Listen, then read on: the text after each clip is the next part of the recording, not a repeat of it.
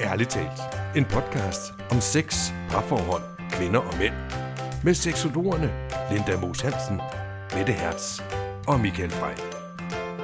Hej, og velkommen til podcasten Ærligt talt. Jeg hedder Linda, og jeg sidder her sammen med Mette Hertz og Michael Frey. Hej. Hej Linda. Og så har vi fået gæster i dag, og det er Anita Øland, som er øh, psykolog og parterapeut. Og vi har inviteret Anita herind i dag, fordi at øh, hun har et super spændende emne, som hun brænder virkelig meget for os, som øh, vi synes er spændende, og som vi tænker, at I lytter også vil synes er rigtig spændende Både spændende og vigtigt. og vigtigt. Ja. Ja. Jeg tænker, det er et emne, mange mænd de styrer direkte udenom, hvis de kan komme til det. Mm, ja. Eller kvinder, der har emnet. Emnet. Må jeg sige, hvad det er? Ved man Ja, overhovedet, man har det? Ja. Altså. Jeg ved man, det er det. Ja. Ja. Det Fordi- mystiske, hemmelige emne. Anita, hvad er det for et emne? ja. Det er PMS. Det er PMS. Ja. Jeg brænder for PMS. Og øh, jeg er så glad for, at I har inviteret mig med, så vi kan få øh, bredt det mere ud. Hvad er det her for noget? Og som du siger, kan det være noget, jeg er ramt af? Mm. Mm. Så tak for det. Ja, det var så Tak lidt. fordi du vil komme. Velbekomme. Jeg tænker lige med det Ja, samme. Kan og man virkelig velkommen. brænde for PMS? Ja, det er mærkeligt, ikke? det kan man godt. Altså fra en professionel vinkel, antager jeg. Ja, det Ja. kan man godt. Øh, det er jo efterhånden gået op for mig, hvor store påvirkninger det kan have for kvinder, for par, for familie, for kvinders karriere, for kvinders velbefindende. Så, øh, så ja, det er noget, der har min meget, meget store interesse. Og hvordan kom du i gang med det? Jamen, øh, vi skal nogle år tilbage. Øh, faktisk så var det sådan, at min yngste søn, han fylder 8 her om lidt. Nå, Da, jamen tak. Da, da han var, hvad var han? Ja, han var en måneds tid eller sådan noget, der skulle jeg til at finde ud af, hvad skal jeg så have af prævention nu? Og øh, jeg havde hørt så godt om den her hormonspiral. Og øh, alle sagde jo, jamen altså, alt det der, det, det kan du roligt gøre, fordi du slipper for din blødning, og øh, der er ingen bivirkninger, og det der hormon, der er i, det er så lokalt, så det kommer ikke til at påvirke noget. Så den skulle jeg da prøve. What's ja. not to like? Mm. Så øh, det vi kom til at opdage derefter, det var, at jeg fik nogle ekstreme store udsving i mit humør. Og faktisk var det min mand, der gjorde mig opmærksom på, at der var noget her, der var mærkeligt. Øhm, så vi begyndte at tracke det og finde ud af, at det både var op til min menstruation, men også op til ægløsningen, at jeg ligesom væltede og øh, blev meget, meget svær at være i nærheden af. Øh, og så prøvede jeg selvfølgelig at øh, gå til gynækologen og sige, ved hvad, jeg tror simpelthen, den her spiral, den skal ud. Mm. Men øh, i starten, der var det sådan, der talte man ikke så meget om, at der var bivirkninger. Så, øh, så hun sagde til mig, at det kan simpelthen ikke være det. Ja. Det må være noget andet. Så øh, den synes jeg bare, vi skal lade sidde.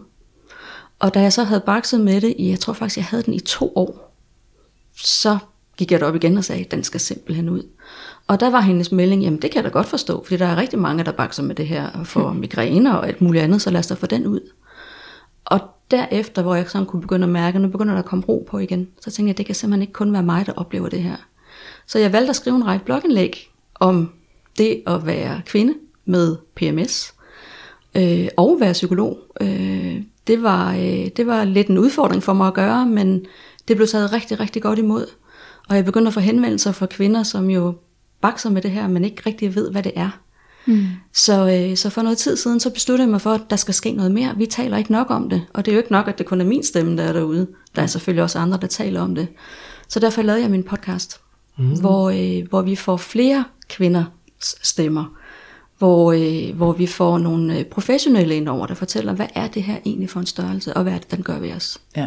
Og din podcast, den hedder Power Kvinder med svingninger. Ja, det er jo det, PMS står for. Ja. For jer, der ikke ved det. Men, men, men kunne vi lige også, altså sådan, bare for, mm. hvis der skulle sidde en derude, der, ikke overhovedet ved, hvad PMS det er, Ja, det, kunne vi lige sætte på, på hvad, hvad er det egentlig for en størrelse? det står for præmenstruel syndrom, ja. og det er nogle af de øh, symptomer, man kan få som regel op til menstruation. Og de kan være både fysiske, og de kan være psykiske. Og øh, jeg er selvfølgelig mest optaget af de psykiske komponenter, som kan være, at vi bliver irritable, kortlundede, begynder at, at opleve verden som grå, sort, uoverskuelig. Man kan komme til at få den her følelse af at være håbløs. Altså det er svært at se en vej ud af det. Der er også rigtig mange fysiske øh, øh, komponenter i det. Øh, dem ved jeg ikke særlig meget om, fordi jeg har fokus på det andet. Ja. Men det lyder da også som en vigtig komponent. Ja, Ja, meget. ja og så, så jeg har sådan lyst til at tilføje det der med, at, at det kommer ud af det blå. Ikke? Det er rigtigt. Det kan det gøre. Øh, jeg vil sige det sådan, at i starten, der var mine menstruationer ikke særlig regelmæssige. Men, øh, men jeg kunne ligesom mærke, eller min familie, og især min mand, kunne mærke, hvornår jeg nærmede mig. Ja. Og, øh, og det var sådan lidt svært, fordi han kunne jo godt sådan sige, jamen jeg tror faktisk, at prøv lige at tjekke din kalender, eller et eller andet. Og jeg synes nogle gange, det var sådan lidt provokerende, fordi det var så let at sige, hvis vi havde haft en eller anden fight, at når du skal lige tjekke din kalender, for det er nok dig, der er et eller andet. Ikke? Mm. Ja. Så, så det virkede med at gå på listefødder. Men det kan, du har fuldstændig ret, det kan komme fra den ene dag til den anden. Altså, eller fra det ene sekund til det andet nærmest. Lige så hurtigt kan det gå væk igen. ja. Og det er, siger du, i dagene op til menstruationen? Ja, det er der, de fleste oplever det. Øh, op til en uge før, og så plejer det at klinge af, når blodet sådan rigtig begynder at løbe. Øh, Ja. ja. Dag to, som vi jo kender sangen om dag to i menstruations. Åh oh, ja. Ja, ja, det er som regel der, hvor der bliver noget, noget flow igen, og lyset kommer tilbage. ja. Og hvad, altså, det ved jeg ikke, om du har svaret på, men ved du, hvad det skyldes? Hvorfor er det, at man oplever det? Jeg ved det ikke, og jeg tror ikke rigtigt, at der er så mange egentlig, der ved, hvorfor det er, at vi har det på den der måde. Men jeg kan ikke lade være med at tænke, at, at på det tidspunkt, der gør kroppen sig klar til at skabe liv. Det er også der, hvor øh, det potentielle liv går til. Så der ja. foregår rigtig, rigtig mange ting lige der. Men sådan rent øh, evolutionært, hvorfor det er en mega god idé, at kvinder skal have det sådan på de tidspunkter, det giver ingen mening. Nej, det gør det Den er i ikke. hvert fald lidt svær at finde. Ja. Ja. Eller for at skræmme andre mænd væk, eller et eller andet. Ja, Jamen, jeg ved det ikke. Men det er kun fordi, jeg bemærkede, at, du ved, at der er jo ikke rigtig noget i os, som er tilfældigt, eller som ikke har en funktion, Nej, eller som præcis. ikke er der for at gøre et eller Ja. andet. ja. Og derfor så tænker jeg bare, jamen, ja, altså jeg ved ikke, hvad formålet er. Mm. Man kan jo sige det sådan, i, i gamle dage, der var der jo knap så meget pres på kvinden, som der er nu. Og der var der mulighed for at gå i sin menstruationshytte, eller hvad de kaldte det, de andre, altså i andre kulturer og andre samfund. Mm. Der var der jo sådan nogle gange en, øh, en tendens til, at kvinder kunne gå for sig selv, eller blev sat for sig selv, fordi det var en særlig enten øh, hellig periode, eller uren periode. Men der var i hvert fald ikke så meget, man skulle tage stilling til. Øh, og rigtig mange kvinder har oplevet, at, at hvis stressniveauet det er højt, så bliver PMS'en værre. ja. Ja. Det er jo også meget interessant. Ja. Ja. Og nu tænker jeg lige, Linda, det var, det var dig, der er fundet på emnet her til i dag. Ja. Og det var fordi, du har hørt podcasten Ja. på et eller andet tidspunkt. Og der var nogle emner, som, altså, jeg tænkte, der må have været noget, der optog dig. Jamen det er jo fordi, jeg jo selv, altså lige siden, altså, i mange, mange, mange, mange år har jeg fundet ud af, at jeg lider også af PMS. Ja. Og, og det sjove er, at det har jeg som sådan vidst i 15 år, eller noget i den stil, at, at det var ligesom det, der gjorde, at jeg blev psykisk ustabil sådan en gang om måneden. Altså, det, ja, det må være de der 15 år siden, hvor jeg var sådan, gud, det hænger altid sammen med, det ligner op til menstruation, og når jeg så får menstruation, så bliver det bedre igen.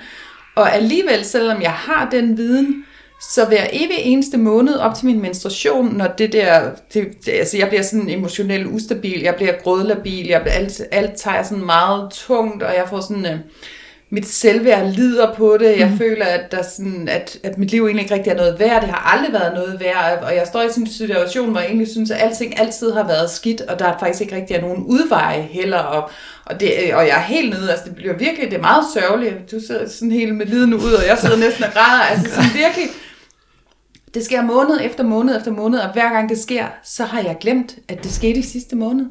Og jeg kan slet ikke huske, at for fire dage siden, der havde jeg det ganske fint. Altså, så, så jeg har sådan en følelse af, at, at jeg bliver overtaget af min sådan mentale tilstand, sådan, at der kommer simpelthen en anden en. Det, det mener jeg også, du får sagt i din podcast på et tidspunkt, Anita, at det er som om, der er en anden en, der overtager min Ja, krop. det er rigtigt. Så man simpelthen slet ikke er sig selv i de der par dage, og så kommer man ud af det sådan, åh gud, nu er jeg mig selv igen, og så går der de der, hvad når der går 21 dage, ikke engang.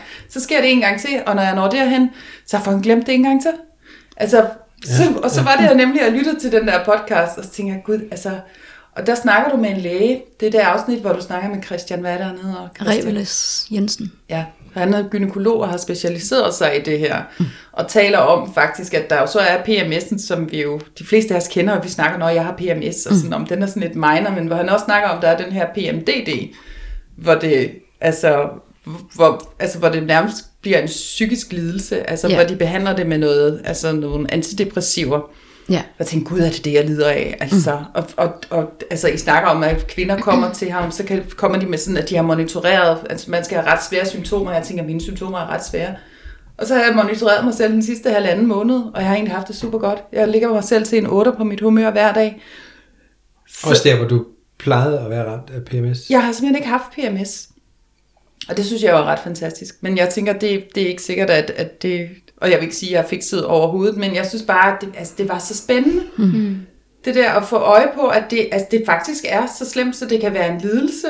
Og der faktisk er nogle kvinder, der bliver medicineret for det her også, eller burde blive medicineret. Der, altså. Ja. der kan være andre end mig, der vil få sådan en øjenåbner. Gud, det, altså, det, er ikke, det er ikke meningen, jeg skal have det sådan her. Og jeg skal ikke gå og godtage, at jeg har det så skidt hver måned.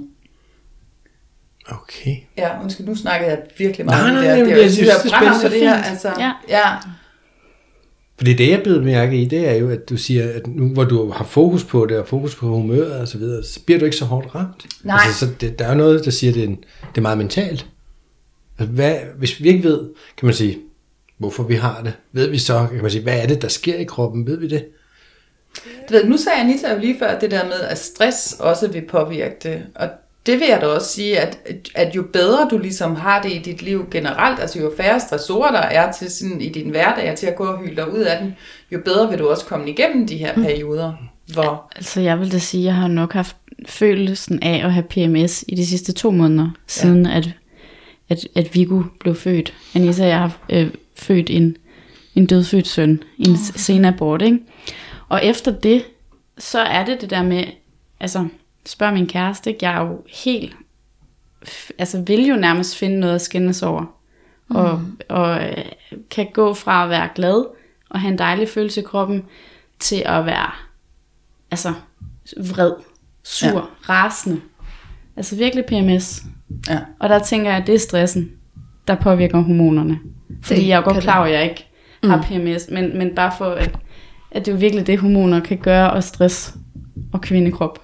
Ja, Ja, det er Og en svær... selvfølgelig. Ja, ikke? Der, præcis. der er en masse ting i det, men jeg kunne bare godt genkende det, du sidder og siger, Linda. ja. Bare som om, at det ikke lige går væk. Og det kommer det- hele tiden igen. Ja, Ja.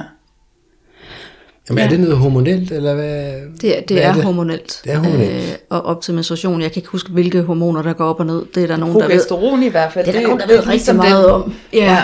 Jeg ved mere om, hvordan det påvirker os. Øh, og, øh, og jeg kunne godt sætte mig ned og undersøge det andet også, men, men det er der andre, der gør. Mm. Vi ved, det hænger sammen med hormonerne, men man har vist ikke kunne forklare, hvorfor det er sådan, det er.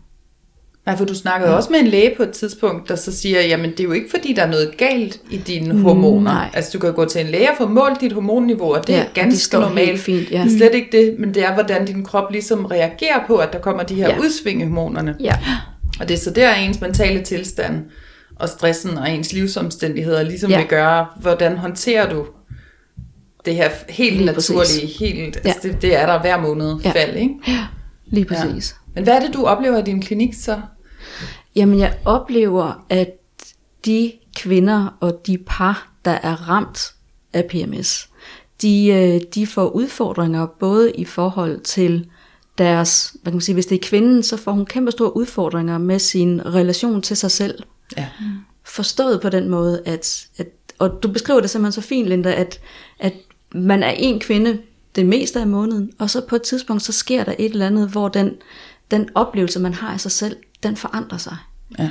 Og den oplevelse af måske at være en stærk kvinde, der kan passe det hele og bare køre derud af, og så lige pludselig så er det som om, at energien, eller man imploderer, altså det er som om, at der er noget, der forsvinder, så man ikke længere har den styrke eller den pondus til at gå ud og møde verden. Mm.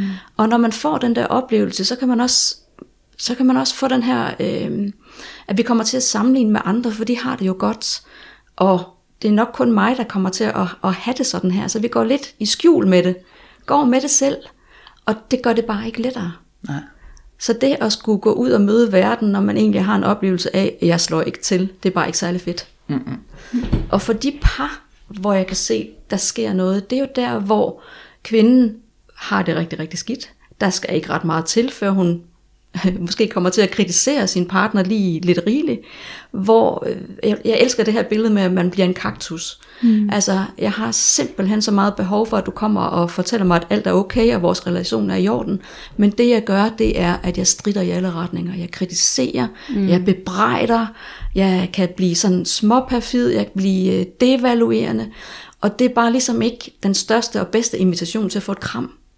Så, så det kommer lynhurtigt til at kan komme, altså komme til at forstærke de mønstre, vi har i vores parforhold i forvejen. Mm. Så, så hvis, altså alle par har jo noget, de bakser med. Men på de tidspunkter i cyklus, hvor der er rigtig meget hormon, et eller andet, i hvert fald en påvirkning af hormoner, der kan det blive forstærket så har man den her oplevelse af, jo, vi har det godt, vi er stærke, vi har nogle små bump på vejen, men på de her tidspunkter, der kan man faktisk blive så påvirket af det, at man kan blive i tvivl om, om ens relation til partneren kan holde til det. For hvordan kan min partner holde ud at være sammen med mig, når jeg ikke selv kan? Jeg hader jo at have den del af mig, som dukker op en til to gange om måneden. Så det, det er virkelig stærke kræfter. Ja. Og har man ikke øje for, at det bliver ekstra påvirket de en til to gange om måneden, så, øh, så kommer man jo ligesom de store skænderier, så skal man til at finde hinanden igen, så går der lidt tid, hvor det går godt, så kommer de store skænderier, så går det i stykker igen, så man går ligesom at, altså jeg plejer at bruge det der billede med, at man ligesom bliver sådan en krystalvase, og hver gang, at det her det rammer, så går vasen i stykker, så sidder man der klinker alle de der skov, for at den går i stykker igen. Det er meget, meget slidsomt, både for den, der, der bakser med, humør, eller med humøret og hormonerne, men også for partneren og for børnene. Ja. Og hvem der ellers er kollegerne. Hvem der ellers er i nærheden. Og det er rigtig svært at styre. Mm. Mm. Hmm. Hvad kan man så gøre ved det? Der er heldigvis noget at gøre. Åh, oh, det var godt. Og ja. jeg sad og tænkte, kan man tillade sig at spørge om det? ja. ja. Jamen, men det er, jo, det er jo super vigtigt. Det, som Christian også nævner i den podcast, det er jo, jamen, prøv at være opmærksom på, at der faktisk er, der er system i det. Der er, der er system i galskaben. Det rammer på bestemte tidspunkter.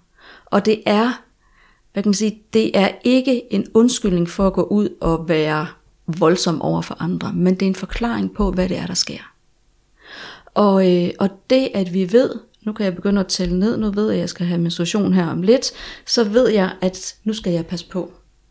Hjemme hos os, der ved alle i min familie, hvor jeg er i min cyklus. Min, øh, mine forældre, mine øh, svigerforældre, de ved det også. Det er ret vigtigt i forhold til familiebegivenheder, om jeg pludselig melder fra eller ej, mm. fordi jeg ikke kan være i det. Men hjemme hos os, der ved alle, hvor jeg er i min cyklus, og som min søn, han spurgte den her den anden dag, mor, mor er det det der PMS igen? Øh, han er syv, ikke? Han, han har fuldstændig styr på, hvad PMS det står for, og hvad det er, det betyder. Ja. Og, øh, og de ved bare hjemme hos os, at det er der, hvor man skal være særlig opmærksom. Eller hvis jeg kommer til at være lidt for, øh, lidt for meget ude med riven, så går jeg selvfølgelig hen og tørrer op, når jeg har væltet spanden, og siger, nu skal du høre, det er de der hormoner igen, og jeg skal nok være opmærksom. Det har ikke noget med dig at gøre. Ja. Så det, at der er en, hvad kan man sige, en fælles opmærksomhed på, hvor vi er i cyklus, det er en hjælp. Ja. Så, så det er ligesom dine ydre omstændigheder, der, der er, de er informeret om, hvad kan der ske. Det kan jeg love dig du kan undskylde for, når du kommer til at gøre ting. Jeg har lyst til også at sige, at det vel også er for en selv, hvis, fordi som jeg jo lige beskriver for mig, der kan det jo komme og overtage mig. Jeg kan slet ikke huske, at der nogensinde mm. har været noget andet. Mm. At når jeg nu har den her bevidsthed om, det er ikke bare mig, der har det sådan. Der er virkelig ja. mange kvinder, der har det sådan. Ja. Når jeg lytter til din podcast, kan jeg se, at der er nogen, der har det langt værre end mig også. Det er ikke, fordi jeg skal sammenligne, men altså, mm. det er sådan en reel lidelse. Ja. At så kan jeg have mere omsorg med mig selv der. Præcis. Velvidende, at det her, det er noget, der kommer og jeg skal lige være i det, og imens jeg er i det, skal jeg ikke slå mig selv oven i hovedet over, hvorfor jeg er mm. også sådan en strile, og hvorfor har jeg det så dårligt, og hvorfor og alt er bare, det er sådan, ja. der vælger jeg lige at give mig selv kærlighed i stedet for. Og så ved jeg, om et par dage, så det her overstået, mm. og så er alting godt igen, ikke? Og det er fuldstændig rigtigt, øh, at, at det at have informeret omgivelserne, det gør jo også, at omgivelserne kan hjælpe med netop at sige, ah, jeg tror, det er der, du er. Ja. Eller, vent lige et par dage, så letter det igen. Og, og det er jo så interessant, at det, som vi oplever den ene dag, som værende godt.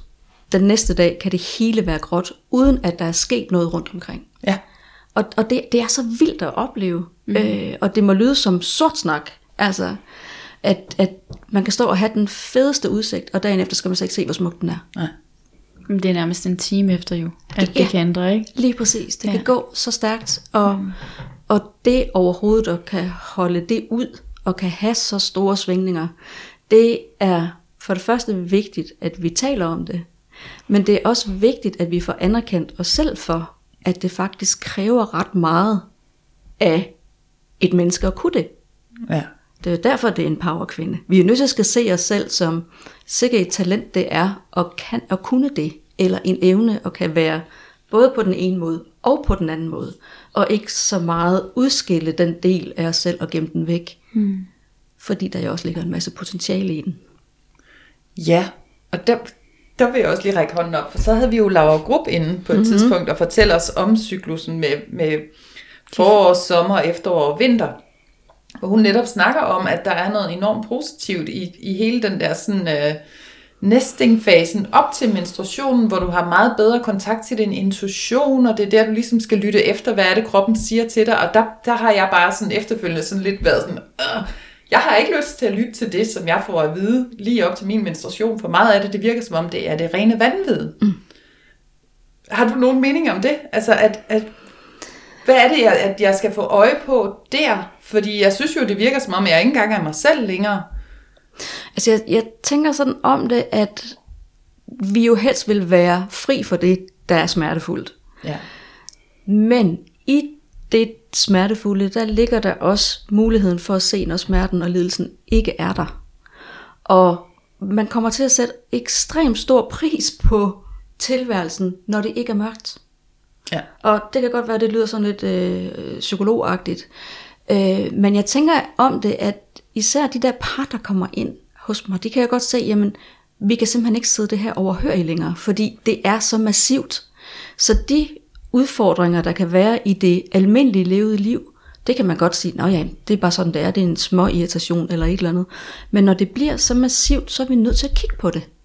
Vi er nødt til at tage det ind og se, hvad søren er det, der bliver aktiveret her. Og tør man gå ind i det, eller har man modet til det, eller tid og lyst til det, i stedet for at gå fra hinanden, så ligger der jo guld at hente. Fordi vi reagerer jo på noget. Ja. Og vi kan simpelthen ikke sidde det overhøre. Nej. Fordi det er så massivt. Ja, det er så selvfølgelig rigtigt nok. Så ens, det man sådan normalvis går og ikke tager sig så meget af, ikke mærker så meget, det kommer, man mærker det meget mere. Yes. Super forstærket, som om det er en andens følelse, man nærmest mærker. Ja. Og det skal jeg jo selvfølgelig tage seriøst. Det kunne man vælge at gøre i hvert Ja, fald. ja. Mm. ja. I stedet for at gemme det væk. ja. Ja. Det går over om et par dage. Jamen det, det, det gør, men vi ved så også. Vi venter bare lidt, så kommer det en gang Så kommer til. det tilbage. Ja. Men hvorfor Ja. er det, at der er nogen, der har det så meget, og nogen, der ikke har det? Det forstår jeg ikke. Det er åbenbart, så vidt jeg kunne forstå på Christian Hamlane, der var med, så Mhm. er det et spørgsmål om, hvordan de receptorer, man har i hjernen, de modtager hormonerne. Okay. Og det kan være påvirket af øh, barndomstraumer, overgreb, øh, voldsomme oplevelser i barndommen. Så det faktisk bliver, øh, at de bliver ekstra sårbare eller sensitive over for de her humør, eller hormonsvingninger og påvirkninger. Ja. Så der kan være noget, som man er simpelthen er nødt til at skal kigge på, når det bliver så voldsomt. Øhm, men der er jo mange, der vælger at kigge den anden vej, eller vende det indad og sige, det er også bare fordi, jeg er forkert. Ja. Øh, der er jo rigtig mange, som, som øh, vælger at sige, "Nå, så dur jeg ikke til det her job, eller jeg kan ikke finde ud af at være i et parforhold, eller det der med veninder, det har jeg opgivet, fordi det kan jeg slet ikke finde ud af, og jeg kan ikke være i det, og jeg svigter jo både dem, og jeg svigter mig selv, og så, så det er nogle meget, meget kan man sige, høje priser, der bliver betalt rundt omkring, for at have noget, som man måske slet ikke engang ved, hvad er. Mm. Og det er derfor, vi er nødt til at skal tale noget mere om det. Ja. Men er der sådan en god måde at forklare det på, hvis for eksempel man nu har PMS, mm. og man så øh, har en kæreste, som bare, altså en mand, føler jo slet ikke det her hormon, hormonsvingning, mm-hmm. som en kvinde gør, uanset hvad. Nej. Så det må jo være helt vildt svært at forstå. Altså, hvordan kan man forklare det så, at en man som mand, eller som veninde, der måske ikke føler de her svingninger, kan, altså kan mærke det på en eller anden måde? Altså, fordi det er jo nemt nok at sige, men kan man så godt forklare folk det, så de forstår det? Altså, Jamen, jeg synes faktisk, det går ret godt. ja. Altså, øh, jeg tror ikke, jeg har veninder, der, er- der er klogere til at opfatte ting end andre, og Nej. Jeg tror heller ikke, min familie skiller sig ud i forhold til andres. Men det, at, at man kan se, at der er så massiv forskel, alt efter hvor man er i cyklus. Mm. Jeg tror, det er noget af det, der er så vigtigt.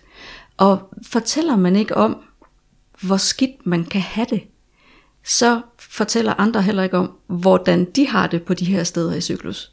Så vi kender det med alle mulige andre ting, hvis, hvis man netop, som du fortæller, har aborteret og fortæller det til andre, så kommer de andres historier også. Mm. Og det, at man netop kan fortælle i familie eller til veninderne, at nu skal I høre, jeg har det simpelthen sådan her, så kan man næsten være sikker på, at der er nogen i vennekredsen, der også har det. Vi er op mod 75% kvinder, der døjer med PMS. Det er mange. 75 procent. Ja, 75 procent. Det er helt vildt.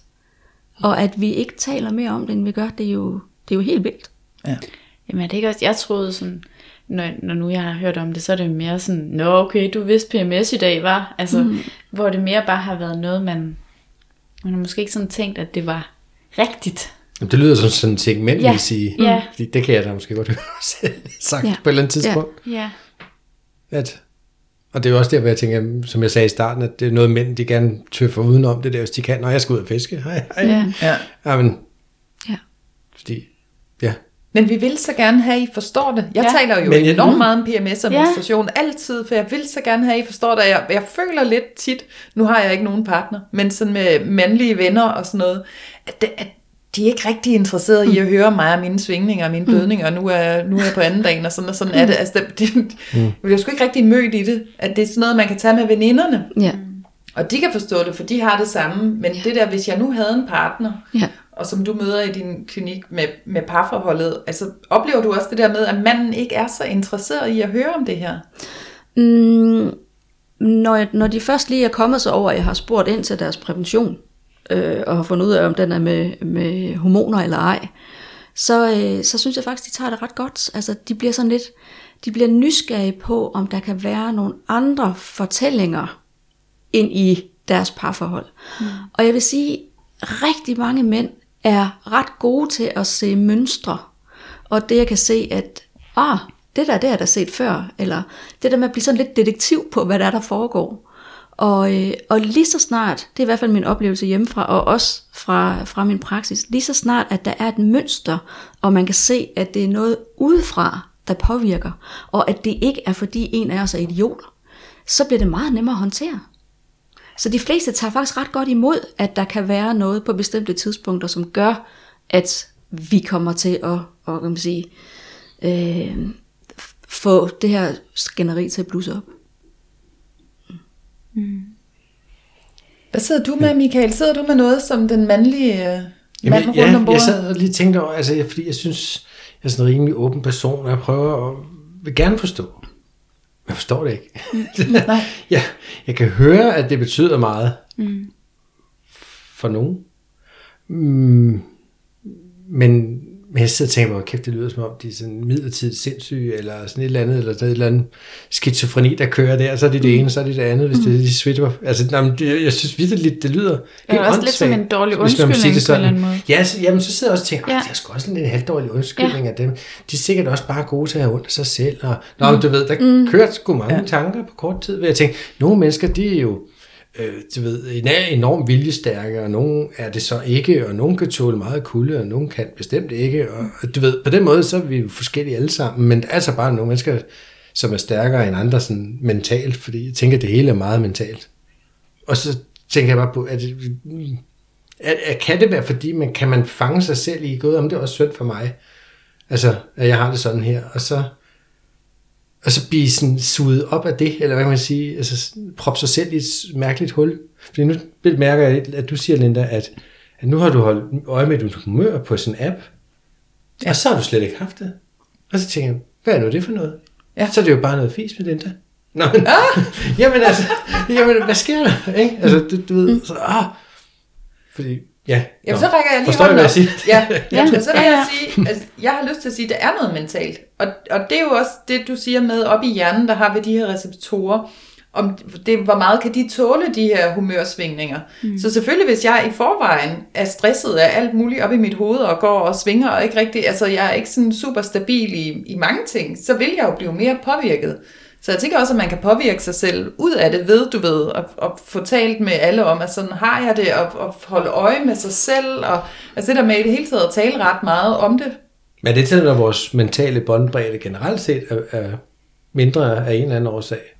Eller hvad? Altså, Jamen, jeg, tror, jeg tror netop på det der med, at hvis du har oplevet stress. mange stressende ting i din barndom, såsom seksuelle overgreb, eller du ved, du kommer fra en dysfunktionel familie, hvor vi taler om det her tilknytningsmønster, dit båndbredde er ikke så meget, du klarer ikke så meget stress, så tror jeg også, at du vil være mere modtagelig. Ikke dermed sagt, at folk, der har PMS, har haft en ulykkelig barndom, men jeg tror bare, at nogen kan være, de har bedre hardwire til at klare også hormonudsving, og nogen har det ikke. Mm. Men at vi må jo anerkende, at det er jo ikke noget, jeg selv finder på. Altså det er noget, der ligesom kommer og overtager mig, og så lyder det jo netop, som om jeg har en psykisk sygdom. Og det er jo det, ham der Christian i din podcast også taler om, og den bliver vi nødt til at linke til den episode, mm. også ja. generelt din podcast. Hvor han siger, at der er mange kvinder, der ikke søger hjælp, fordi de har jo heller ikke lyst til at blive sendt over i psykiatrien og Nej. blive dømt som værende psykisk syge. Mm. Og det passer jo meget godt på det, du siger, at, at så den der fordom, man kan have, det er, at du lyder da også bare super ustabil. Er du sikker på, at du ikke du ved, er bipolar eller et eller andet? Mm.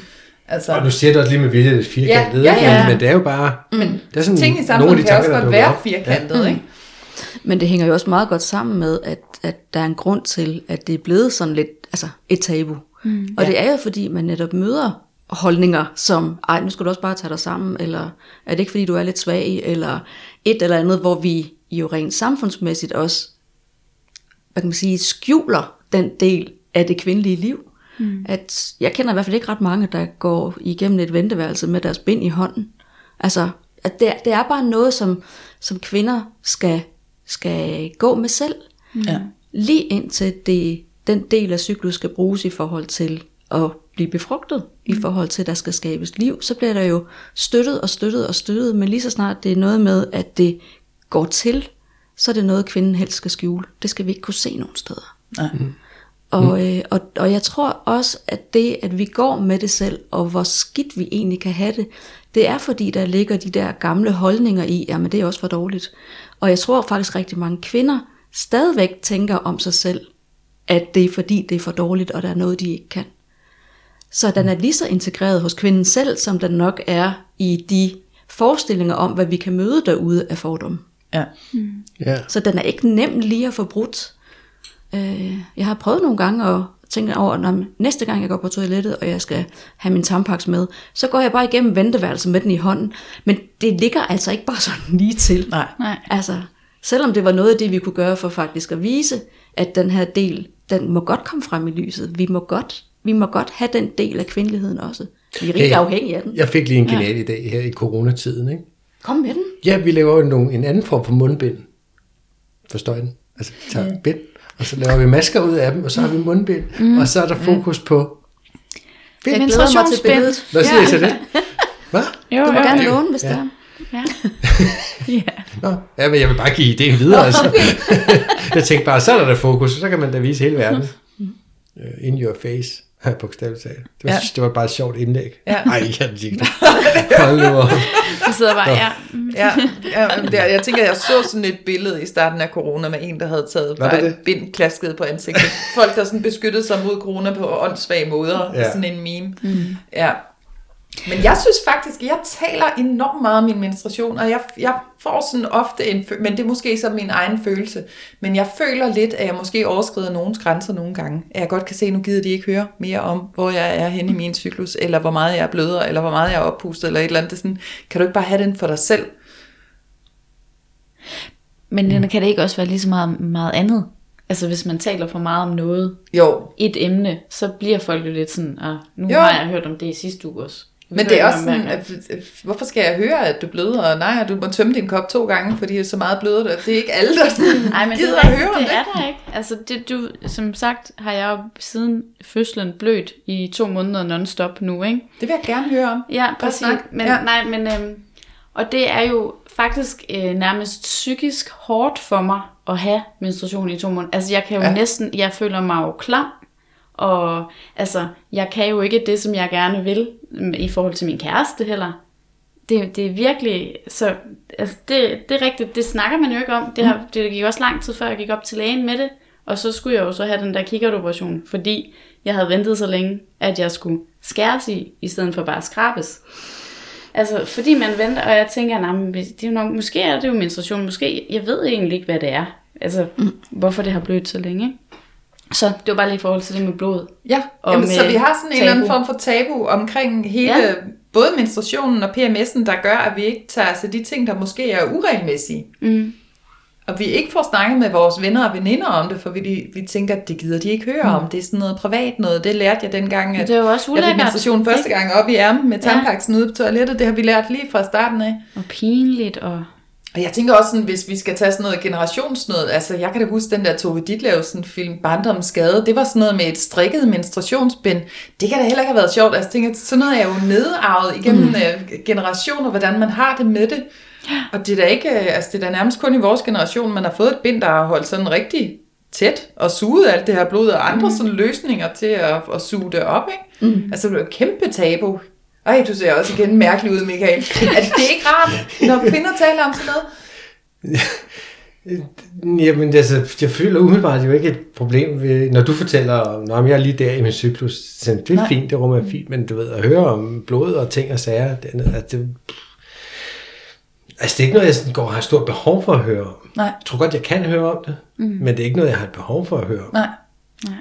Men det gør jo så også, så har jeg lyst til at sige som kvinde, og der tænker du har måske heller ikke behov for at høre om din kvindes cyklus og hendes PMS og sådan noget. Og hvis man som kvinde lidt går ud i verden med den, den ene dag og den anden dag. Og, ja, og nu bløder jeg snart, og Ja. nu er jeg oppustet, og der har jeg også fået i ryggen på grund af det, og det, det handler jo også øh, om, nu skal du snart til at bløde ad det der blod, hvorfor skal vi snakke om det? Mm. At hvis, hvis jeg som kvinde går og tror, at min mand har det sådan, og måske har han det også sådan, så, så er det da svært for mig at dele med ham det. Og så tænker jeg også, PMS'en er jo også en del af hele den cyklus blødningsting, så, mm. så der bliver vel meget. Hvad gør du med de der par så, Anita, der kommer ind og, og kan du genkende overhovedet det, vi sidder og siger? Et sagtens, sagtens. Det, der bliver vigtigt for mig, det er, at det, der sker hos kvinden og manden, det ikke kommer til at gå imellem dem, men at de formår at arbejde på at stå sammen i det. Fordi vi ved jo, at alt det, der er rundt om os, om os som stresser, skal vi flytte, skal vi have nyt arbejde, skal den ene et eller andet, lige så snart der er ekstern stress, så går det direkte i vores parforhold. Mm. Og der kan PMS'en også komme til at gå i vores parforhold. Og det kan gå ind og rokke ved, ved øh, vores tilknytning til hinanden. Og, og det er noget, som øh, et, et helt åndssvagt eksempel, to glas på et bord, som ikke er blevet sat ned i opvaskemaskinen, at det pludselig kan, kan fyre så meget op under en konflikt, så man pludselig kan tænke, kan vide, om han er her. Altså begynder at tænke, kan vide, om vores relation den overlever. Mm. Det er der, vi skal hen, hvor vi kan se på, jamen, jeg kan godt se, at jeg reagerer uhensigtsmæssigt på det her, eller nej, jeg er godt nok nærtagende lige nu, men er vores relation intakt? Fordi hvis man samtidig skal gå og tænke på, at man selv er helt umulig, og det er også for dårligt, og også går og spekulerer over, om ens parforhold kan holde, eller om ens familie går i opløsning, så det er en ekstra pres ovenpå. Og jo mere skyld og jo mere ansvar kommer man til at tage på sig, jo mere trækker man sig, og jo mere kører de mønstre, vi kommer ind i. Så, så det er virkelig med at få fat i, hvad er det, det her det gør ved mig? Hvad er det, det gør ved vores handlemønstre? Og kan vi på en eller anden måde finde ud af at stå sammen i det? Og det er derfor, det er så vigtigt, at man kan se mønstret. At man kan se, okay, det er de her dage, det kommer. Nu skal vi være særlig opmærksomme begge to. Nu skal vi se, om vi kan, se, om vi kan have et ekstra lag teflon på her, og ikke velcro, så det hele hænger fast. Vær lidt mere large over for hinanden, og så faktisk sige det. Nu har jeg den der oplevelse af, at det er det her, der er ved at tage os. Kan vi det, så er der virkelig meget håb. Så og det, det, er det, siger, vi har brug for. er, at kvinden hun bliver til en kaktus, og manden han skal forvandle sig til en tefald stegepande, og det hele bare glider af. Mm, Eller, der sker altså, også ofte det, at manden... Mentalt, måske. Ja, men der kan faktisk også ske det, at manden bliver til en kaktus, når kvinden gør det, hun gør. Ja. Så, så, så det at finde ud af, at selvom hun stikker, selvom at jeg bebrejder og kritiserer, så er det faktisk min måde at kalde på ham på, og sige, jeg har faktisk rigtig meget behov for dig lige nu. Men måden jeg får det gjort på, den kunne jeg godt arbejde på. Så jeg netop får sagt, jeg har virkelig meget brug for dig nu, fordi der er så mange dumme tanker inde i mit hoved, eller jeg bliver så meget i tvivl om, om vi klarer det her. Det er lidt lettere at gå hen og give et kram på den konto, end det er at sige, hvad man nu kan finde på at sige, når man mm. bebrejder mm. og kritiserer. Ej, jeg kan genkende alt det, der, alt det, der du sidder og siger. Er det det er rigtigt? mig lige nu. Mm. Det er så vildt. Jeg sidder bare og tænker, hvad? Så har du åbnet min hjerne, inden, mm. da du kom ind i døren? det er, eller har du været her for, en, for to timer siden? Ej, hvor vildt. Ja. Okay. Ja, der er rigtig mange, der kender det. Mm. Og, og det drejer sig jo også om alle mulige andre ting, øh, som vi ved kan påvirke. Øh, og dem, der døjer med depressioner, kender det jo også, at de kan komme ind og forstærke. Altså ligesom en flytning kan, ligesom alle mulige andre ting, nyt job, alle mulige andre ydre faktorer får en påvirkning på de mønstre, vi kommer ind i i vores parforhold. Og det værste ved det, det er, at jo mere man stikker, jo mere man, man kritiserer og bebrejder, jo mere har man brug for den anden. Ja. Og det er der, hvor ensomheden den bare dukker op. Både for den, der bakser med alt det her og stikker, og for den anden, som jo ikke kan gøre noget som helst rigtigt. Mm.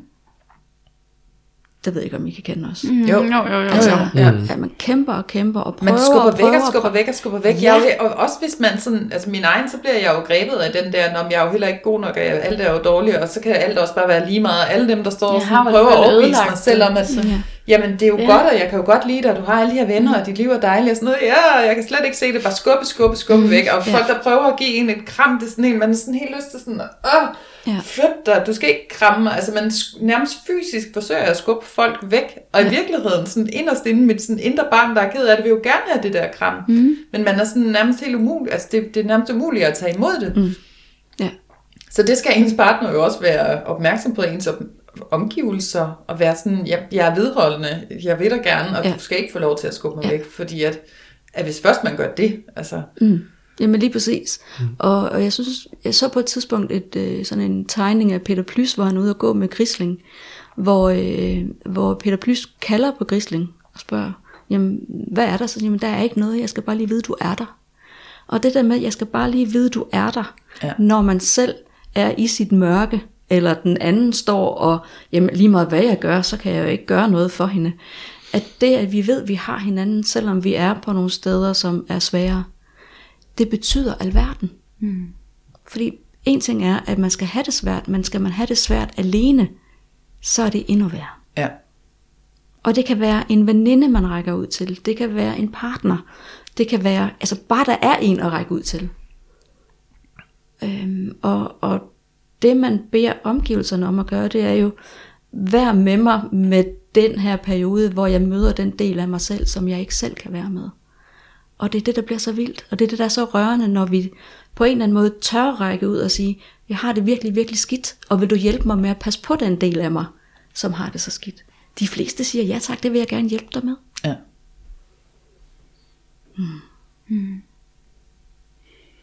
Ja.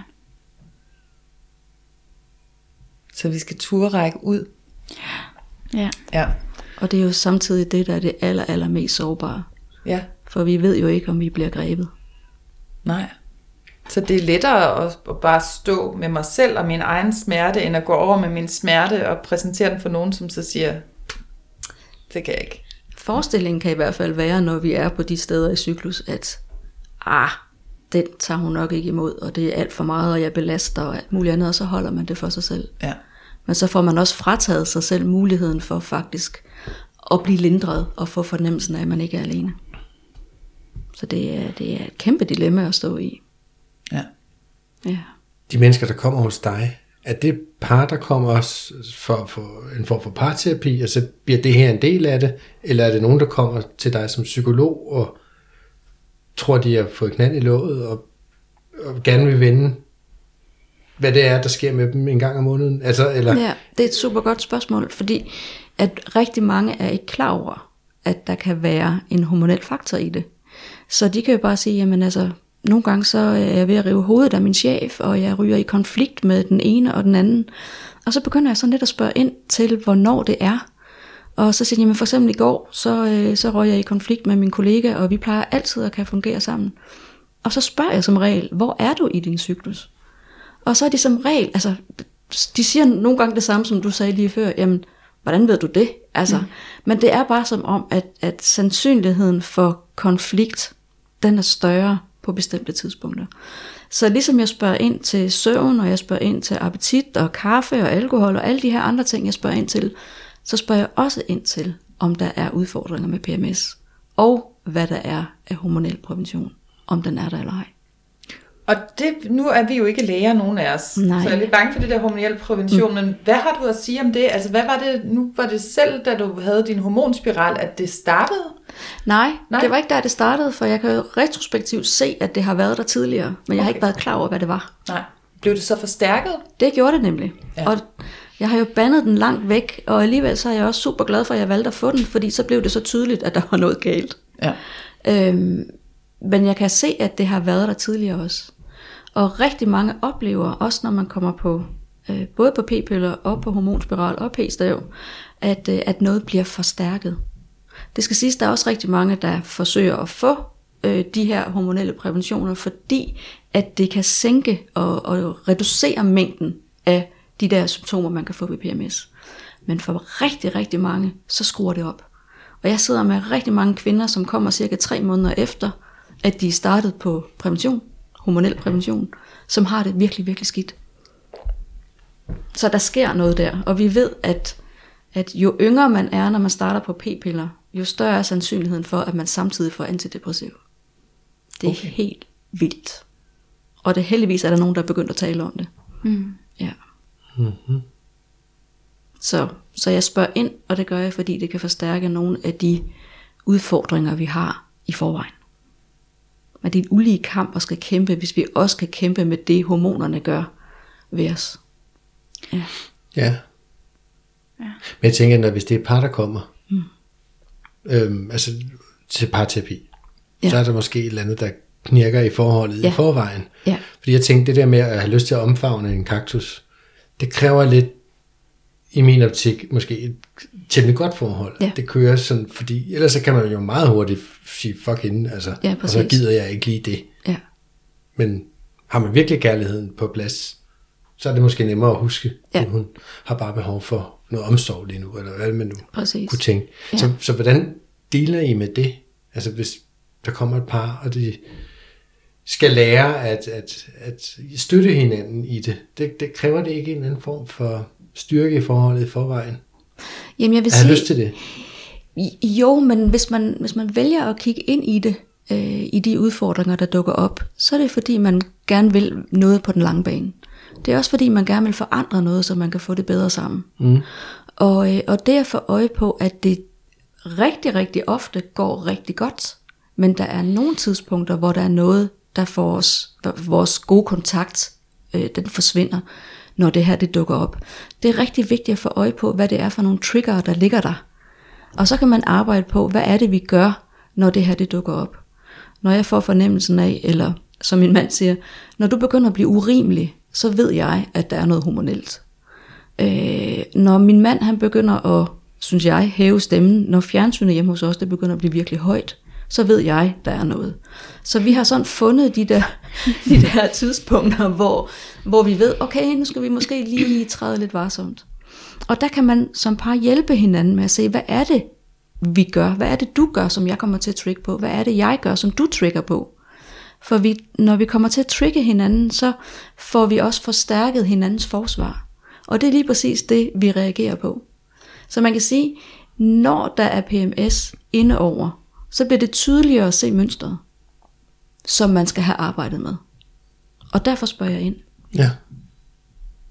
Også for at give noget håb. Altså det, man, har jo også, man har jo også hinanden øh, ud over tiderne med PMS. Og det er som regel den, der er bedre end de tidspunkter, hvor det er der. ja. At holde fast i, at vi kan faktisk det her, og vi kan rigtig meget sammen. Men det her, det udfordrer os. Så der kan være en lille gave i det, eller ja. er det lige at strække den og sige sådan? Altså, den er pakket ind i noget virkelig, virkelig grimt papir. Men ja, Ja. det kan der. Ja. Og, øh, og jo, jo mere modstand der er på det, og jo mere man tænker, at det her det er helt galt, øh, jo tættere tænker jeg, at vi er på. Så skal vi grave videre efter guldåren. Mm. Ja.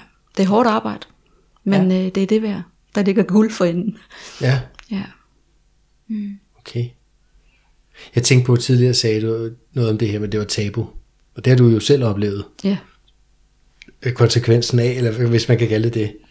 Du lavede en podcast sammen med din mand, Ja, det gjorde jeg. og det kom der nogle ret stærke reaktioner på fra Ja, nogle det gjorde der. andre mennesker. Ja, Er det noget, du har lyst til at fortælle om? Eller? Mm, Det vil jeg gerne. Øh, Jeg havde i lang tid spurgt ham, og flere kvinder havde spurgt mig, øh, kan du ikke få nogle mænd med i den her podcast? Fordi en ting er, at vi kvinder kan sidde og tale om det, men øh, hvordan er det egentlig at være gift med en, som har så store svingninger?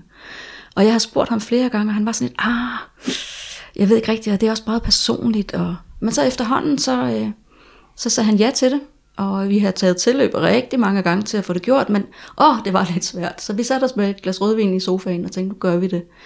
Og jeg synes selv, der kom et rigtig fint afsnit ud af det.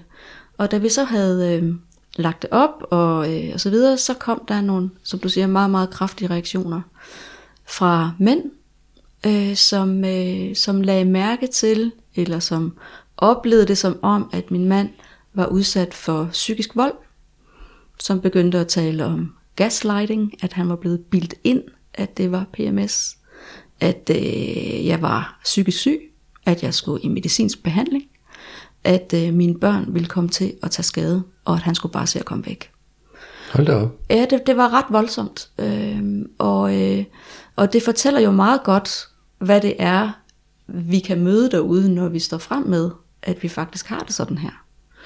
Og, øh, og nu går jeg rundt sammen med, hvad er vi, 20 psykologer, sådan jævnligt.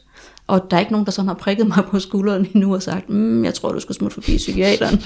øh, det kan selvfølgelig være, at de er rigtig, rigtig søde, men, øh, men, men der er en pris ved at stille sig frem. Og Ja. det var den, jeg mærkede der.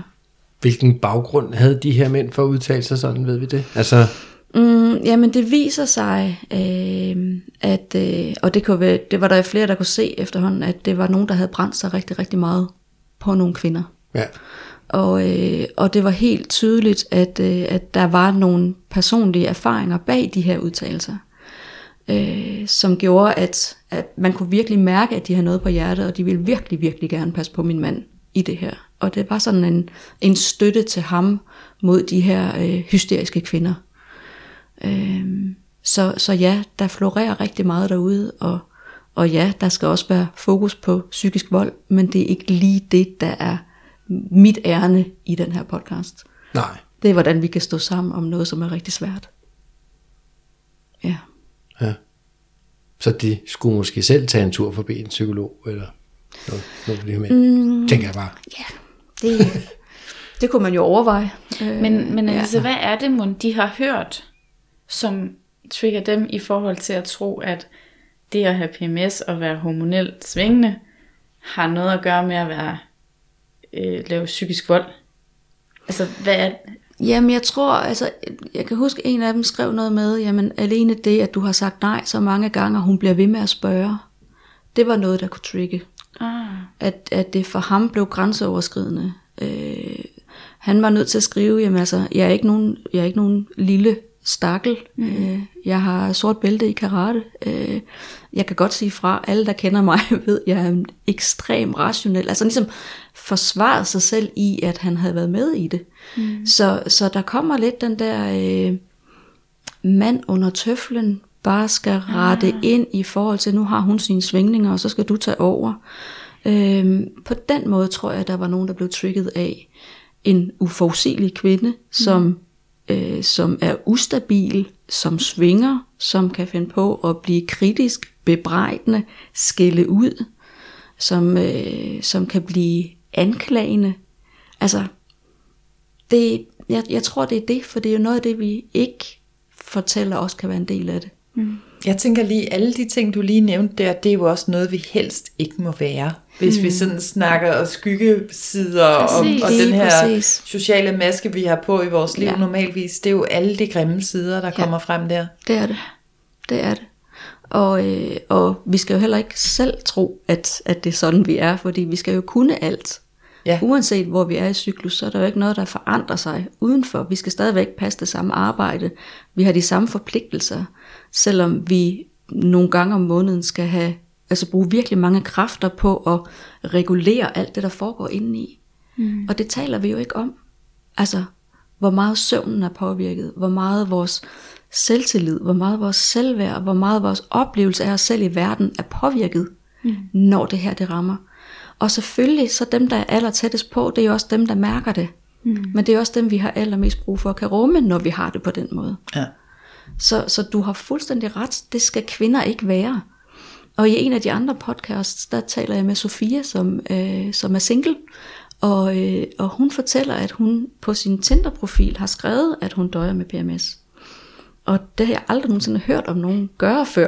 Nej, det er også meget. Det er rimelig våget at sætte Ja. den der Ja. ja. Og det alene det, at det er våget, det fortæller jo også alt. Ikke? Ja. Mm. Og en af de reaktioner, hun har fået, det var, wow, det, det, det er jo godt at høre, at du står frem og så videre, men jeg søger en mere stabil kvinde. ja. Og der kommer vi altså til at knække lidt sammen af grin, fordi det er jo, det op, det er jo den oplevelse, der er, at kvinder skal være stabile. Mm. Hvem kender en stabil kvinde? Jeg gør ikke. Nej. Ah, ja. Vi er jo det Og der skal vi alligevel grave dybt, ikke? For, Præcis. Ja. Men det er jo skal det ikke billede, være vi har. stabile heller. Hvis vi tager den maskuline og den feminine, og hvis vi siger, at kvinden skal være den feminine, så er vi jo havet, der er Brusende. brusende. Det går op, og det går ned, og det svinger, og pludselig er der blik stille, og pludselig er der store bølger. Ja. ja.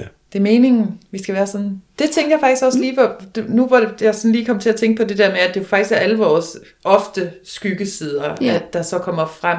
Ja. At det måske, hvis man så skulle sige, at der var en gave i PMS'en, at det er, at, at der kan man så ligesom få lov til at se, at det indeholder man også. Præcis. Mm. Og så deri, hvis vi skal behandle det på en eller anden måde, så møde det med kærlighed, mm. i stedet for at være sur på sig Ja. ja. selv over, at nu er jeg også PMS, og nu er jeg også hissig, og nu er jeg også, Ja. ja. nu er jeg kritiserende, og nu er jeg alle de her negative ting, jeg ikke må være det sådan, Nå, men det er jeg nu, Mm. for sådan er jeg også. Og desto mere man får sat ord på og fortalt om det, desto mere okay er det jo også, Mm. at man gerne må være sådan. For hvorfor skulle man ikke som kvinde måtte være, måtte være det?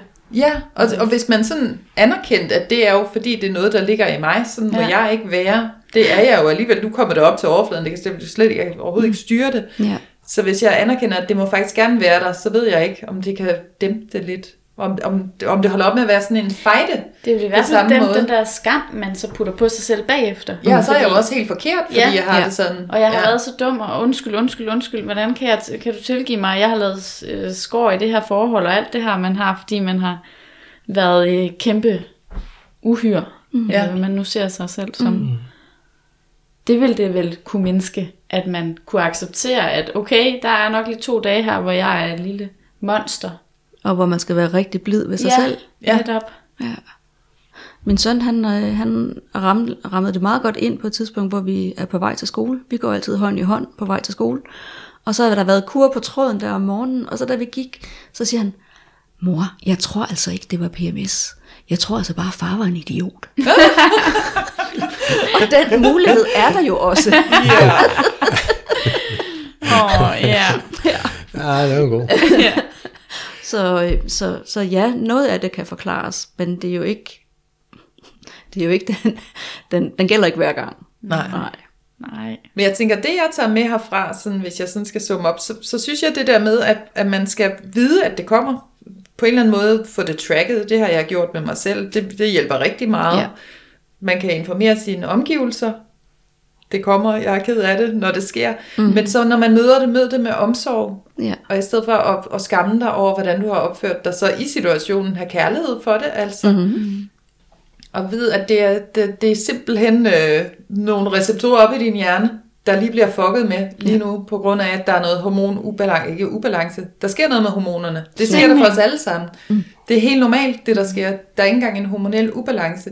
Receptorerne i hjernen modtager det bare mere eller mindre godt ved forskellige kvinder, alt efter, hvor meget stress man egentlig kan klare. Hvor stor er din båndbredde. Ja. Og så møde det med omsorg.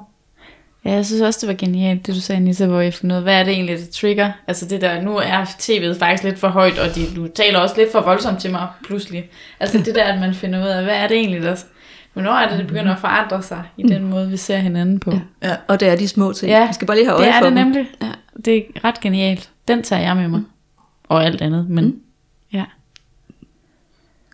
Ja. Hvad så, Michael? Hvad Og tager jeg, du jeg med? tænkte, hvad tager jeg med? altså, en, en, jeg tager i hvert fald en lidt større forståelse med. Mm. Altså, øh, jeg forstår det ikke helt dybt ind i hjertet, kan jeg godt mærke til, sådan helt ind i kernen, men, men jeg forstår, at det er et issue, og det er noget, og det er værd at, at tale om, og det er værd at tage sig af, ikke? Mm. Også sammen med sin kvinde. Mm. Altså, det kan jeg godt se vigtigheden i. Og så tror jeg, jeg lige skal lade den summe lidt. Men vi skal til at runde af. Så har du noget sådan her på falderæbet, som du tænker, det her, det har jeg bare ikke fået sagt endnu, det skal med? Eller dit bedste råd? Eller er der noget, du lige har behov for at lukke ud her til sidst? Jamen, jeg kom til at tænke på lige før, at noget af det, der også kan være gaven, eller noget af det, man kan hente, det er jo, at der er jo noget om snakken, nu når bølgerne går højt. Og det at få, øh, at få kigget på det, der netop var triggerne. Hvad var det for nogle udfordringer, vi kom til at stå i lige her? Gør det i fredstid. Sig, okay, vi havde den her situation, det gik helt op i hat og briller. Hvad var det, der gjorde det, og hvordan kan vi gøre det næste gang, så det ikke sker? Lad være med at prøve at rave kastanjerne ud af ilden, når det står på. Det fungerer ikke. Lad det glide af, og så tal om det i fredstid. Ja. Ja. Det synes jeg var et godt råd. Ja, det Ja. God. Gode guldkorn. Det er guldkorn. Det sidste. Ja.